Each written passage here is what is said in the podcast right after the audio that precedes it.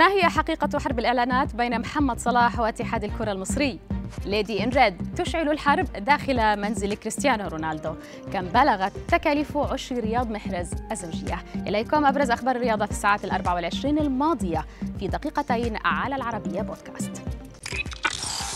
أثار ظهور محمد صلاح بقميص المنتخب المصري بلا أي إعلانات أثناء التدريبات الجدل مجددا عبر السوشيال ميديا وأعاد إلى السطح حكاية مونديال روسيا واختلاف الراعي للاعبي ليفربول الإنجليزي وهو أمر دفع رئيس اللجنة المؤقتة باتحاد الكرة لتوضيح الأمر في تصريحات إعلامية وإيعازه إلى تأخر تسليم الملابس الجديدة بالرعاة الحاليين لمعسكر المنتخب الأول والإشارة إلى وجود أكثر من لاعب في التدريبات بقميص بلا رعاة. كشفت صحيفة ماركا الإسبانية في تقرير لها عن سر الطبيب الذي عالج ليونيل ميسي من مشكلة تقيؤه المستمر أثناء التدريبات وقبل المنافسات.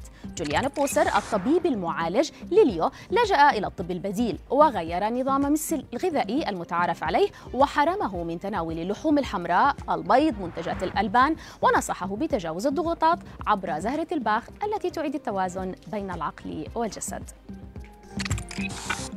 والآن إلى صور تنبئ بحرب نسائية قريبة من المتوقع أن نسمع صداها قريبا في بيت البرتغالي كريستيانو رونالدو حيث فاجأت والدة لاعب يوفنتوس الإيطالي ماريا متابعيها عبر صفحتها على الإنستغرام بصور أظهرتها وهي تقف إلى جانب سيارة مرتدية ملابس ملفتة للانتباه ومشابهة لصديقة ابنها جورجينا بل وقامت بوصف نفسها ب lady in red. وفي خبر آخر ولكن نلمس فيه اتفاقا بين الحما والعريس المنتظر حيث تشرف والدة صديقة الجزائري رياض محرز على ديكور منزله الجديد أو عش الزوجية.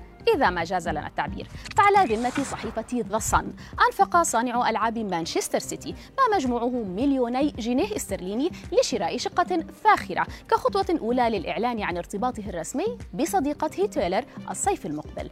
وأكدت الصحيفة أن والدة تيلر داون نجمة المسلسل التلفزيوني The Real Housewife ستشرف شخصيا على ديكور منزل عريس المستقبل.